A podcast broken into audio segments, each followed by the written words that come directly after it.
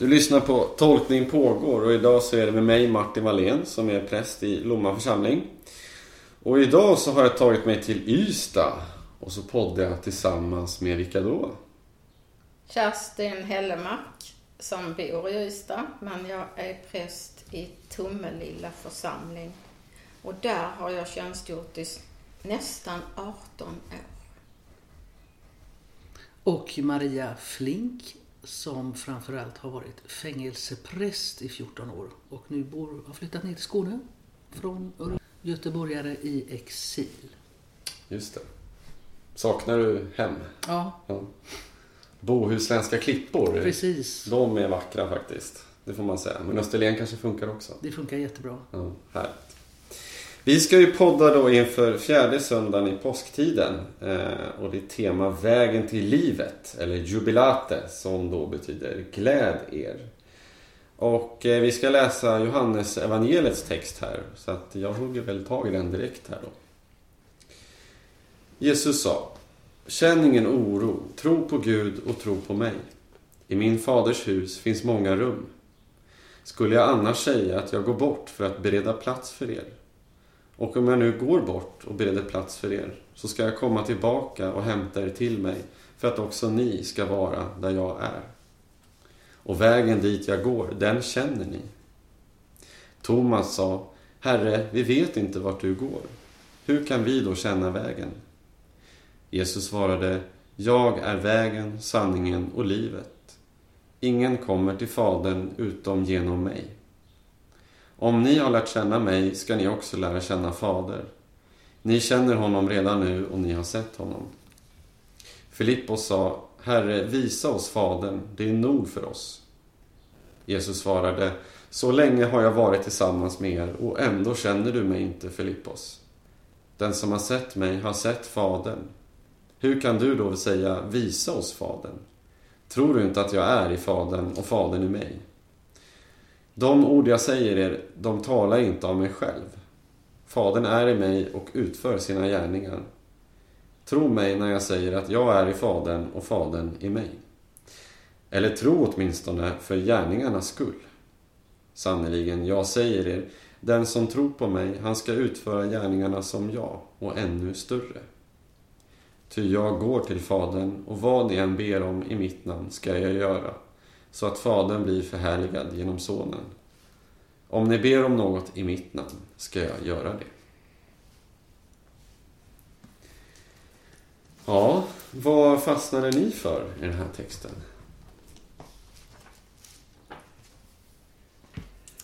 Johannes, han tuggar om och tuggar om.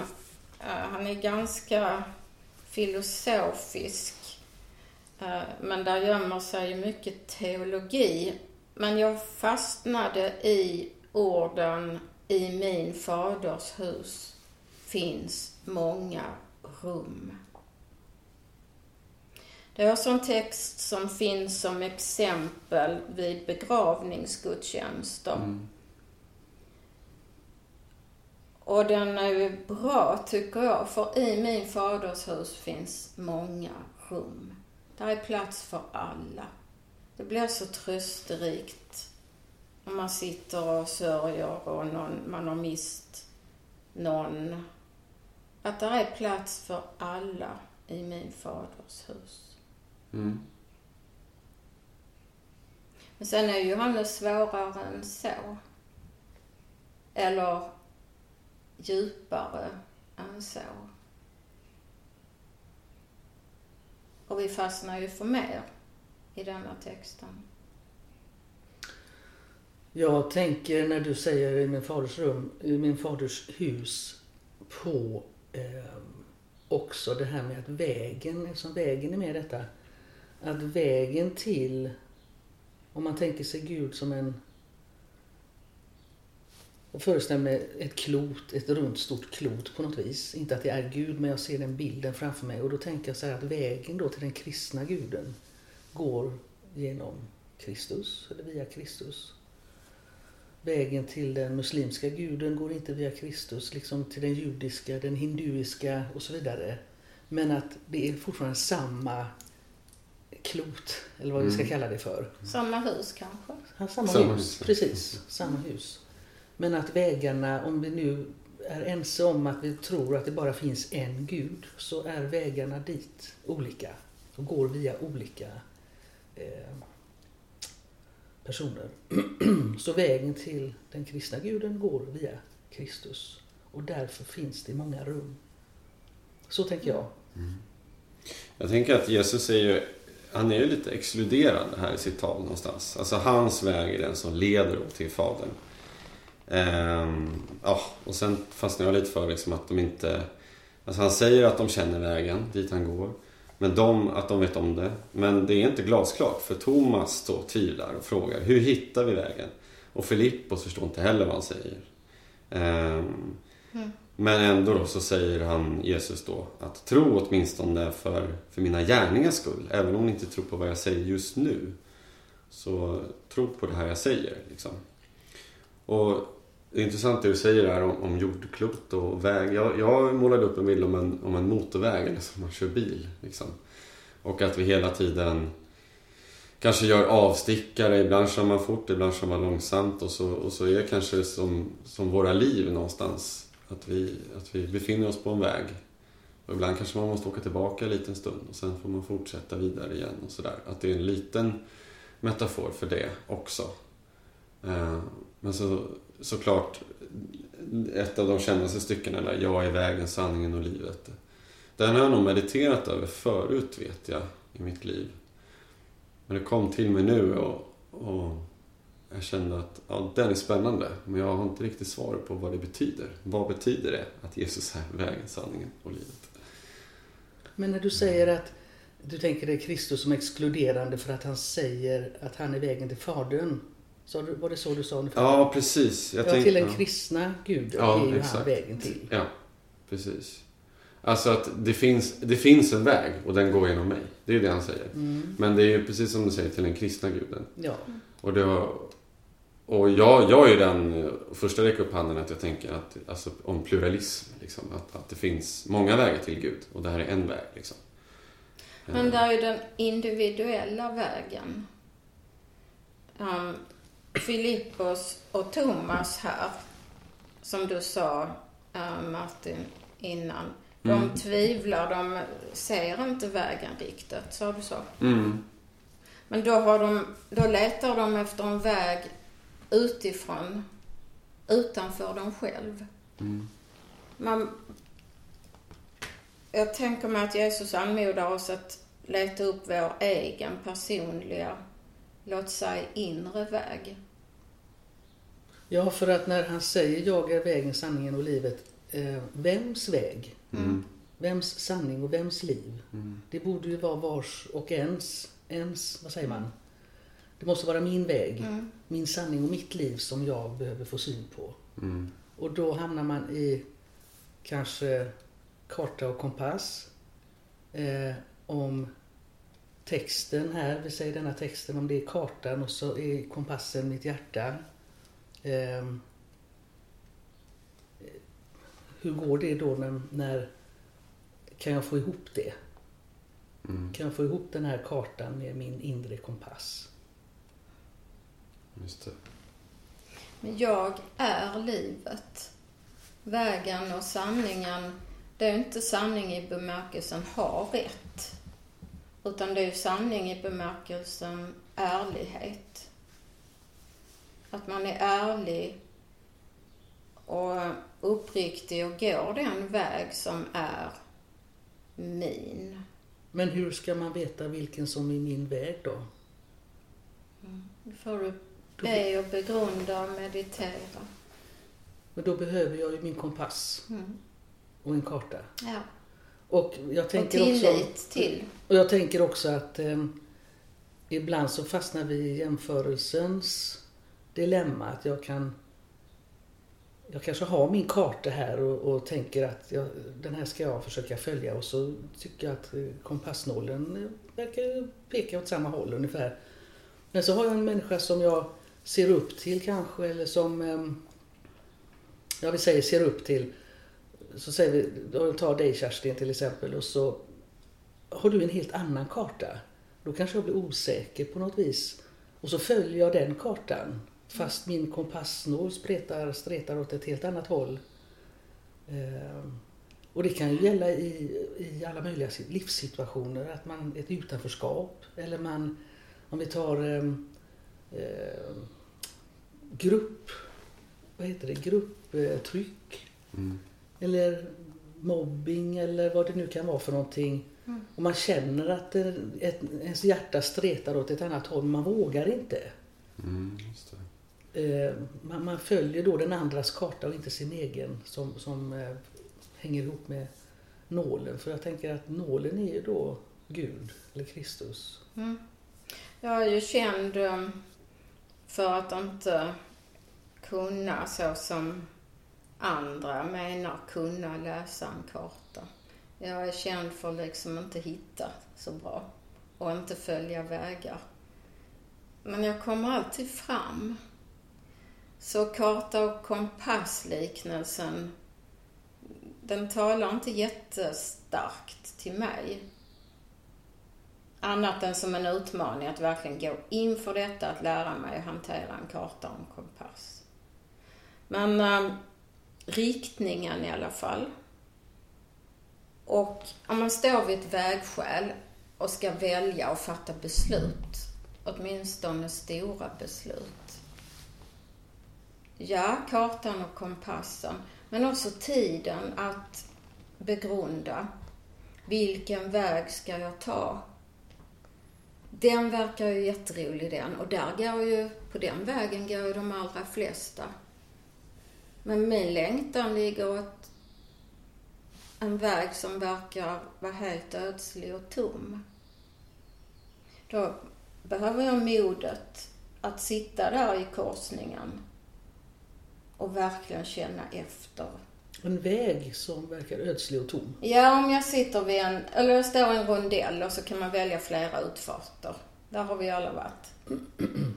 Mm. Och så är det ju lätt hänt att man följer strömmen. Men det var ju inte riktigt dit jag skulle. För mitt hjärta, min inre kompass, pekar åt det håll dit nästan ingen annan kör. Mm.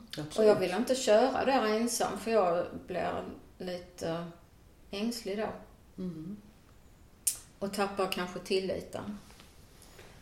Än om jag vet att det är min väg. Är ni med?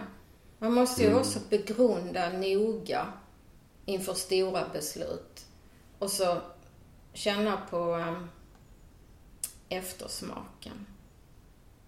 Som Jesus nu säger, jag är vägen, sanningen och livet. Det är ju stora anspråk. Då är det ju angeläget att jag verkligen reflekterar. Vilken väg är min? Var leder, var är Jesus och leder mig? Men när jag då har flera olika viljor, för så är det ju med oss, att det är Mm. sällan vi har en vilja. Nej. Utan vi har massa olika viljor. Och så stretar de och spretar åt Mm. alla möjliga håll. Å ena sidan och andra sidan. Eh, Mm. hur ska jag rodda i det? Hur ska jag reda ut bland alla dessa viljor som man kan ha? Och sen har vi Mm. ytviljor och djupviljor. Eh, och det Vad har vi? Djupviljor och ytviljor. Ja. Och ehm, Där djupviljan är den här inre längtan menar du? det och det andra är viljan. beslut som... Den, ja, viljor på ytan och Mm. viljor på djupet. Mm. Eh, och där då urskiljningen som du nämnde här också kommer in. Eh, att försöka få syn på eh, vad hjärtat säger. Alltså jag är inne där Mm. på nåden lite grann. Va? Mm. Men eh, vad hjärtat säger mig och då ehm, det svåra är väl att inte röra ihop det med hjärnan och hjärtat, tänker jag. Ja, men att vara grundad. Alltså lita på. Ja, men när vi inte Att- är grundade, när vi inte vet varken ut eller in. Nej, men då får man påminna sig. Eller ännu hellre ha någon att samtala med, någon som är vägledare. De befinner sig lite, jag tycker det är spännande att höra ert samtal, de befinner sig ju lite i den här situationen för det är ju lite Alltså efter sista måltiden som det här äger rum. Liksom, att de befinner sig i den här osäkerheten. Mm. Vad är det som ska hända imorgon? Vad händer nästa vecka? Var ska du någonstans Mm. Jesus? Eh, Men jag var lite nyfiken också på, om vi backar lite bandet till komp- kompassen som du pratade om. Vad, vad består den av? Det var lite det jag var nyfiken på. Alltså, är, det, är det ens inre värderingar eller åsikter eller är det vad man, hur man Nå, står? alltså jag tänker nog att det är Guds röst, Guds tilltal, Guds... Eh, eh, andra kallar det för magen. Och nu Mm. menar jag nog inte riktigt magkänsla men eh, man känner ju liksom när det är rätt och man Mm. känner när det är fel. Oftast så vet vi ju det. Mm. När vi gör ett val eller när vi står inför valmöjligheter så känner vi ofta att det här är kanske inte så bra men jag chansar. Eller att det här är bra eller detta gör jag bara inte för jag känner att det kommer aldrig gå vägen. Mm. Och det kan väl mycket väl vara Guds tilltal tänker jag. Just den här. Eller en aha-upplevelse eller en eh, känsla eller att få syn på någonting i rätt tid eller vad det nu är. Att, att jag tror ju stenhårt på att eh, kompassen är Gud. Guds tilltal. Mm. Mm. Kallelsen, kanske. Absolut. Att kalla- kan det också vara. Och höra Mm. och verkligen lyssna. Men att Vilken höra och se, är- att höra och lyssna kan ju vara samma sak som att se. Mm. Att man ser med öronen lika väl som man hör med synen. Alltså man hör och lyssnar men det kan ju betyda att man får syn på något. Men att bibeltexterna håller år från år från år från år. Det är ju också för det är ett, kan man säga, nu, i berättelserna. Där är inte så mycket färdiga svar. Utan där är ett Guds tilltal där jag som människa befinner mig nu. För även de som lever med Jesus och har bokstavligen sett honom, de har ju ändå inte vägen klart för sig. Nej. Det väl... Utan den måste man upptäcka eh, alltså av erfarenhet. Och det är ju aktuellt för varje människa i varje ålder. Samtidigt så är det lite intressant för att det som du var inne på eh, Martin, det här med när du läste texten och det som du säger nu det är ju det här att Jesus bemöter ju Thomas och Filippos lite olika. Han har fördrag på något sätt med Thomas eh, tvivel och det är inte Mm. första gången Thomas tvivlar. Mm. Medan han nästan eh, blir lite, inte irriterad kanske, men han blir, blir, mer skarp mot Filippos. Mm. Fast de egentligen har samma, ställer samma fråga. Där han, han nästan tillrättavisar Filippos på något vis. Mm. Att här har jag gått ibland er och ändå frågar du. Mm. Medan... Mm, ehm, Ehm, Thomas. ja, precis. Medan han då... eh, Att, att, ja, det är Thomas det. Han, han tvivlar. Vi får Mm. ha lite... Ja, just det. det honom vet vi. Ja, just det. Ja, det är Men då går det, det går ju inte att lyda Jesus blint. Eftersom han nu, som ni säger, utifrån det ni säger, att han bemöter dem olika. Han verkar ha lite mindre tålamod med Filippos. Ja, och varför har han det? Därför att Filippos är som han är. Ja, men hur är han? Lite annorlunda. Individinpassad pedagogik här. Han var tidig. Ja, jag kände mig själv här som jag känner Filippos. Men äh, om... Jag kan ibland höra och märka och iaktta hur Gud säger, ja men Kerstin, håll nu inte på. Här är vägen, gå den. Och, och lite grann så kanske han bemöter Filippos också. Du har ju sett mig, du har ju gått med mig så här länge. Klydda nu inte till det. Men varför, varför säger han då inte likadant till alla? Därför de är inte lika långt komna. Det är väl lite som när vi själavårdar, att man kan ju inte köra samma... Nej, Formulär absolut. Absolut. Och det visar ju också Jesus. För det har ju inte med människovärdet att göra. Det har ju hur långt, med att göra hur långt, hur, hur, hur, mo, hur pass mogna de är. Fåren är inte likadana, tänker jag. Nej, just det. Att alla får är... Och porten är, är inte lika bred eller smal. Ja, utan den eh, passar var och en. Just det. Mm. porten är trång men eh, Ja, Mm. just det. den är lagom trång för alla oavsett storlek. Liksom. Mm, mm. Ja, den är lagom till alla. Mm. Individanpassad som Mm. sagt. Ja, Ja, men det är en Men- god liknelse. Ja. Att, eh, och Jesus bemöter var och en efter, efter behov, men att han också kan sätta gränser. mm, Men. Filippos, skärp dig. Mm. Kan, kan, kanske så. Ja, sen är det inte tydligt om de förstod, men eh, Johannes fortsätter att berätta, filosofera och Mm. eh, tydliggöra kanske. Eller stöka till det. Mm. Men jag tänkte på, du berättade innan att du stod vid rondellen eh, och visste inte vilken, men det var en väg som du ville ta. Mm. Och nu, nu säger du att Gud säger åt dig att ta, ta en väg bara, gör det, kom igen nu Kerstin. Mm. Är de olika de vägarna? Att det är en, en du vill gå egentligen, men du borde gå... Det kan man ju inte veta riktigt i förväg. Men då... Det är tvunget att stanna och reflektera. Och gärna fråga någon som jag litar på. En vägledare. Någon som känner en och som har följt en en bit. Och sen skulle det ändå bli fel alltså inte den bästa vägen. Utan den kanske rent av leder till någonting som är förfärligt. Då finns det en omstart. Och det är bra i den kristna tron. Vi kommer på ett sidospår men det är eh, på liv och död, ja, men aldrig i ensamhet. Man har en nystart. Ja, precis. Jag tänker det också att varje beslut man tar är ju... Det är ju alltid, alltid både, både och. Liksom. Det ger positiva konsekvenser, kanske negativa konsekvenser. Eller att det blir bra ändå i slutändan. Man, man, man leder sig framåt ändå. Och det kanske är för att det finns ett löfte om att Gud alltid vandrar med en. Sådär, eller att någon vakar över en. Men Ja, även på den så kallat fel väg. mm, Så är där ju erfarenheter att göra. precis, jag tänkte säga, man lär sig någonting av det ju. Men det finns erfarenheter som man kan vara utan.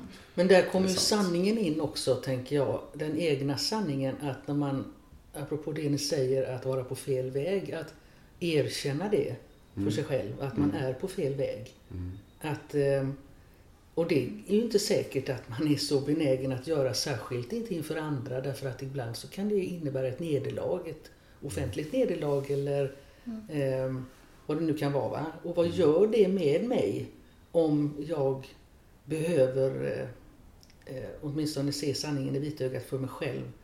Ljuger jag även för mig själv eller räcker det så att säga med att inte berätta sanningen för utomstående? Mm. Är det viktigt? Men jag kan ju känna själv att jag har, eller jag kan känna, det är lite fel uttryckt, snarare att jag är väldigt trygg i min gudsrelation och känner att jag får hjälp av Gud. Men samtidigt så är jag väldigt upptagen av mina egna tankar mycket och försöker rodda i det och försöker hitta utvägar och förstå hur jag ska gå tillväga. Eh, när jag är som mest uppriven över någonting, då kan det hända att jag ber Gud om hjälp men jag glömmer att lyssna efter svaret. Att jag ska samtidigt då försöka hitta en lösning eller vad det nu kan vara. Där är ju bönen ovärderlig.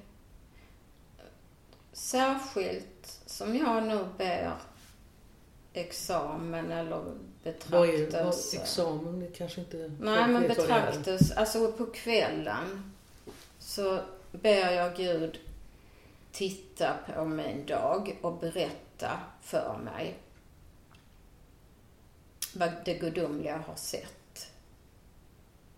Och så sitter jag så en stund och låter från där jag steg upp till där jag befinner mig nu. Och då är det ju en hjälp att stilla sig Mm.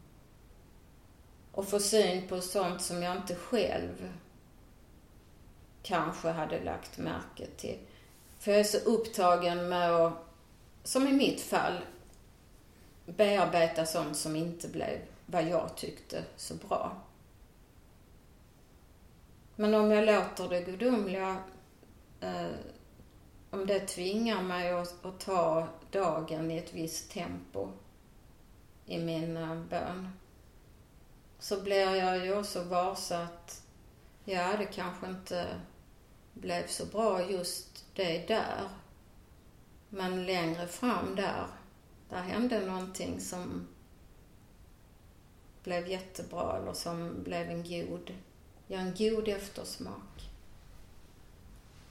Så när man far iväg i stunden, det gör vi ju. Mm. Men att det är att ta den här möjligheten, det är inte mer än en halvtimme på sin höjd. Till att uh, besinna sig, lugna ner sig lite. Mm. Det är en övningsfråga och det är en väldigt bra Absolut. erfarenhet att ha det. Utan det var mer i stunden Ja. som du nämnde, när man är där. Ja men kära Och tid, jag, inte- jag spinner väl också iväg på Ja, ja. två röda. Men eh, att, eh, och hittills har det ju inte fått några ohyggliga konsekvenser. Men att man blir lite tryggare i livet och låter Gud berätta för mig Precis. Och öva sig och lyssna. Mm. Men träna själen och an- andligheten är ju ohyggligt jobbigt. Ja, kan inte, ni har ju någonting gemensamt här. Att Mm. ni har gått en ganska nyligen utbildning i ignatiansk spiritualitet. Eh, Det är ett par år sedan. Ja, alltså jag har hållit på med det i över 20 år. mm. Eh, Men vi träffades på en eh, utbildning för andlig vägledning Så. Mm. inom den eh, spiritualiteten. Mm. Mm, den ignatianska Och det är två år sedan va? andligheten. Tror jag. 2019 såg jag häromdagen Ja. att jag har antecknat ifrån. Det är tre år sedan. Ja. Vad, vad har ni tagit med från det? Och hur, ja, hur lever det med i era liv? Liksom? Alltså för min del så var, eftersom det är en utbildning i att vara andlig vägledare, vilket skiljer sig från eh, själavård, eh, så är det väl det som mest har fastnat hos mig, hur man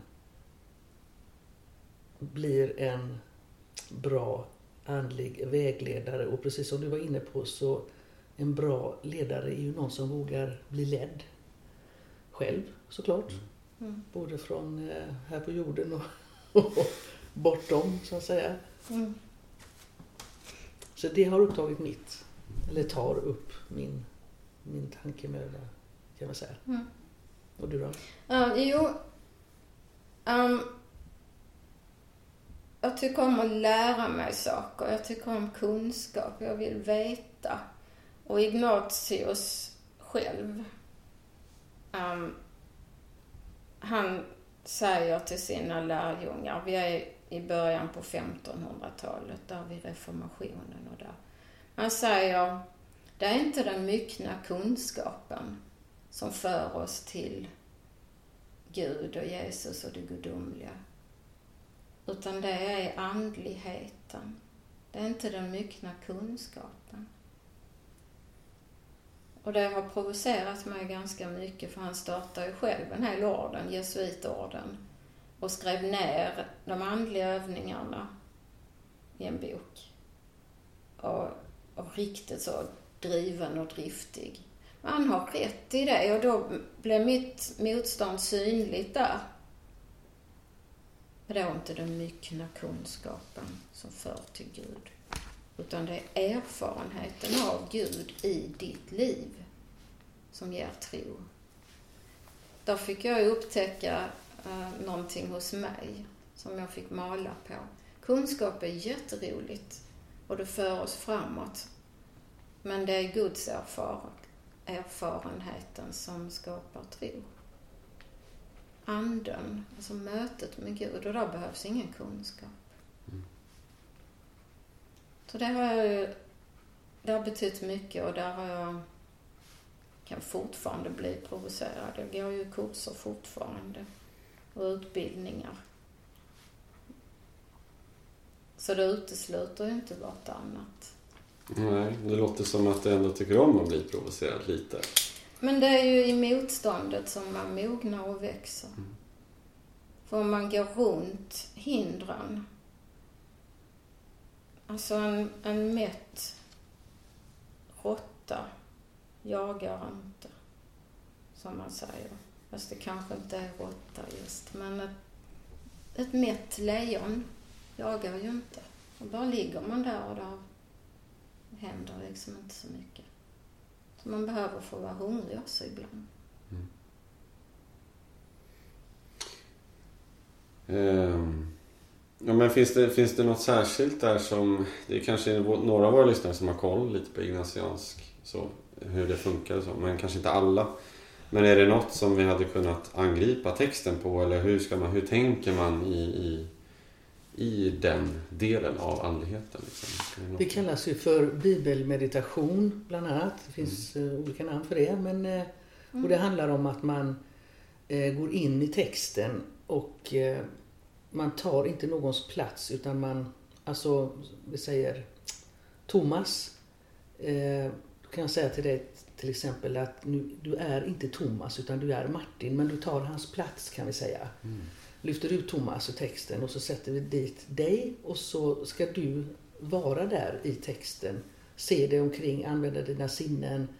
Eh, och då går du in i meditation så att säga och lugn och stilla sätter dig på en avskild plats.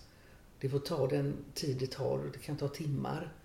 Ehm, och eh, så använder man sina sinnen, man föreställer sig hur det ser ut där. Ehm, man försöker känna dofter, man känner är det varmt, är det kallt ute? Ehm, hur ser de andra ut som är där? Filippos, hur ser han ut till exempel?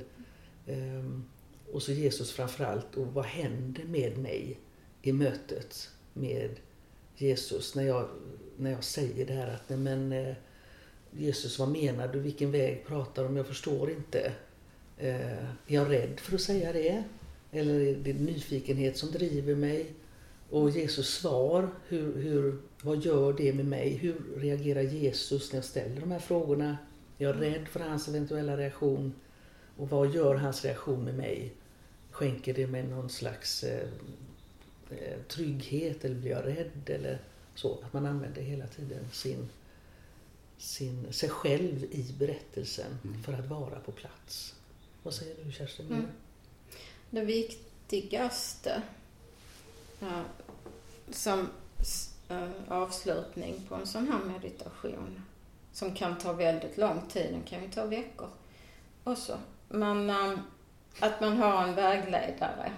Ja, men om du är på en åtta dygns retreat så kan det ju vara att du maler på samma, eller tuggar på samma text. Ja, man kan ju återgå till texten. Ja. Men tanken är kanske att du under den dagen du har fått texten ska kunna genomföra den här Ja. meditationen. Ja. Och, sen, och så pratar man då som du säger med sin...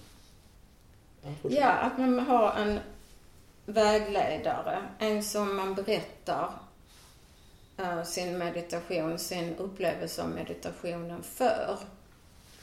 För sitta ensam och meditera med inlevelsebönens metod. Det är nog inte ens hälsosamt. Utan det ska ju delas. Jaha, mötte du Jesus blick? Hur kändes det då? Sa han kanske något? Så att man har... eh, ehm, ja, så man har möjlighet att gå vidare Efteråt, ja. efter meditationen. Ja, men i ja. meditationen Nej, utför där man sitter man stilla och själv och, Ja, och tyst och, Precis. och så ja. Mm. men det är viktigt att man har någon, absolut. Ja. Men sen kan man som sagt återvända till samma scen eller rum eller vad man Mm. vill kalla för det hur många gånger som helst i sitt liv. Men samma berättelse, när man så att säga är klar med den första gången så ska man gärna vänta ett, ett halvår, ett år eller något innan man återvänder till just den berättelsen. Därför att den behöver sätta sig. Mm. För man kan gå in och hitta nya saker i den. Men i min faders hus finns många rum. och där sa ju du Maria ett annat exempel att så tar man texten igen långt senare. Och då kanske man är i ett annat rum. Då ser det ut på annat sätt än första gången jag mediterade över den.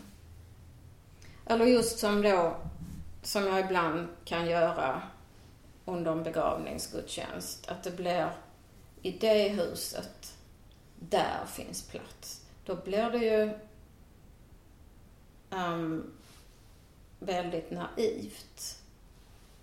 Men det kanske räcker i stunden att det är ett fysiskt hus som vi kallar för himmelen. Och även kanske inledningen, känningen oro. Alltså försök att... Ja, där är plats ja. för... Uh, ja. Men sen kanske man går runt i de andra rummen och man upptäcker att det här är ju inte rum så, utan det här är en ny fas i mitt liv. Mm. Jag har lämnat eh, barndomen. Jag är tonåring nu. Jaha, då är rummet sådant. Eller jag är mitt i karriären och allt ska hända och familj och grejer. Då kanske man inte hittar överhuvudtaget. Man springer runt i alla rummen och inte hittar. Så det är... Man blir inte färdig. Utan man kan ju återkomma till texterna igen och igen och igen och få göra nya erfarenheter. Mm. Det tycker jag är mäktigt. En sak jag tänkte på när jag förberedde var liksom att det är ett, det är ett ganska djupt eh, säger man, kontemplativt budskap här, eller texterna. Och vi hör ju på vårt samtal idag också. Men vi är ju mitt i en glad påsktid här. Liksom. Det ska ju vara bara hurra, det ska vara fest och glädje. Och jag tänkte, hur kombinerar man det där? Att nu ska vi liksom glädja oss, som är temat för dagen, och vara, vara glada och hurra och leva i uppståndelsen. Och sen så ska vi ändå gå, gå ner i det här djupa budskapet. Men jag, jag, jag hör också att ni säger det är ett ständigt... Det behöver ju inte vara någon motsats, tänker jag. Och dessutom, frukten av detta blir frihet. Tänker jag i alla fall. Eller?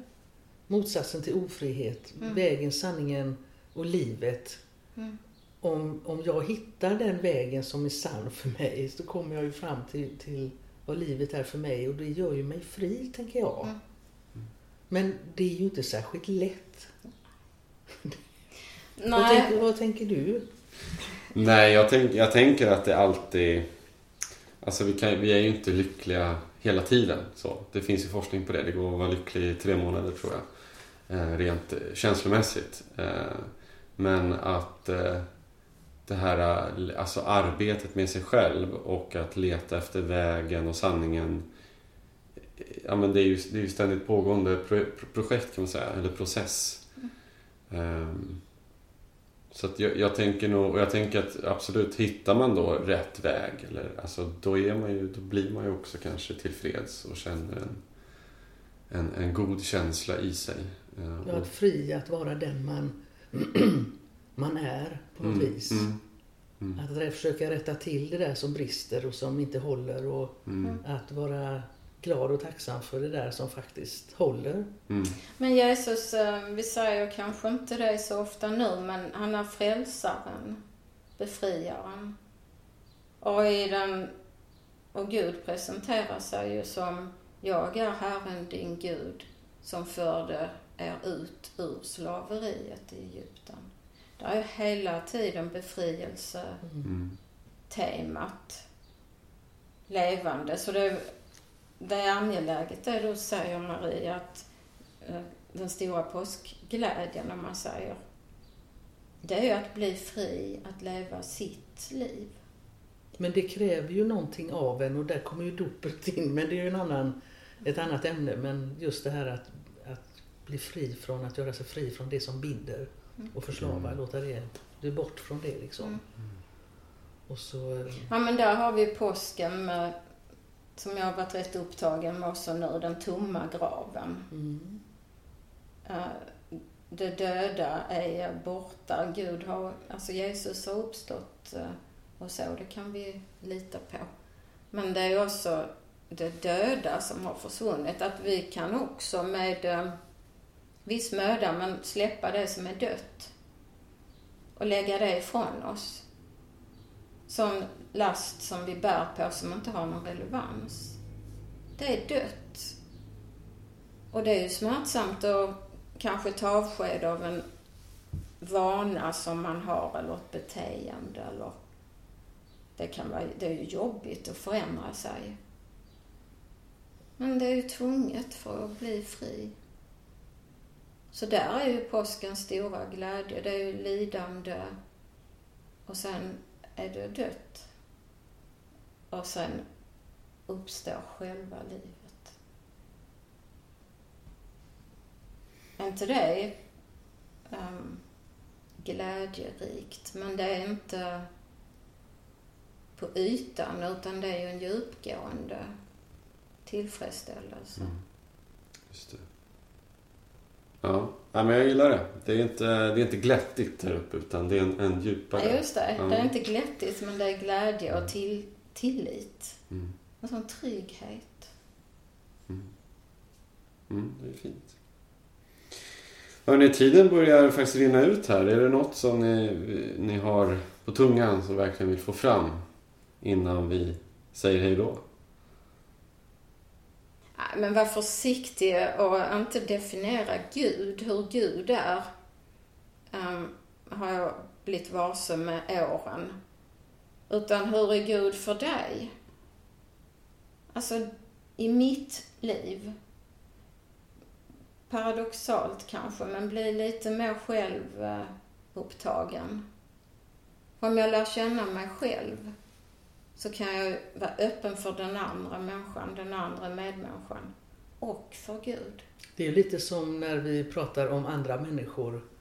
Eh, att lära känna mig, jag kanske ska lära känna mig själv, hur jag är. Mm. Och på så sätt vara öppen för den andra istället för att definiera den andra. Mm. Och glömma av att blicka inåt ibland och se vad jag själv gör, säger och vem jag är. Det är samma sak. Mm all vår välvilja. Mm. Det tror jag det är, så berättar vi Gud är kärlek, Gud gillar humor, Gud är snäll och Gud vill inget illa. Men om man sitter där själv och har inga erfarenheter av Gud och så ska då det stämma in. För prästen säger att Gud är god, Gud är kärlek. Man måste hjälpa eller öppna för människan att göra den erfarenheten själv. Hur är din Gud? Hur är Gud i ditt liv snarare? Det är ju det viktiga. Och hur ser din väg ut, eller din, ja, din livsväg? Tack så jättemycket hörni att jag fick eh, samtala med er idag. Om... Tack själv, Martin. Ja, det var väldigt meningsfullt. Mm. Kan man säga så. Det var meningsfullt givande. Mm. Kan vi inte fortsätta?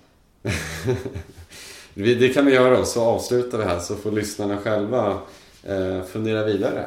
Och, många kloka tankar här idag så att eh, jag hoppas att någonting har fastnat hos er också. Eh, vi säger så. Så på återhörande allihopa.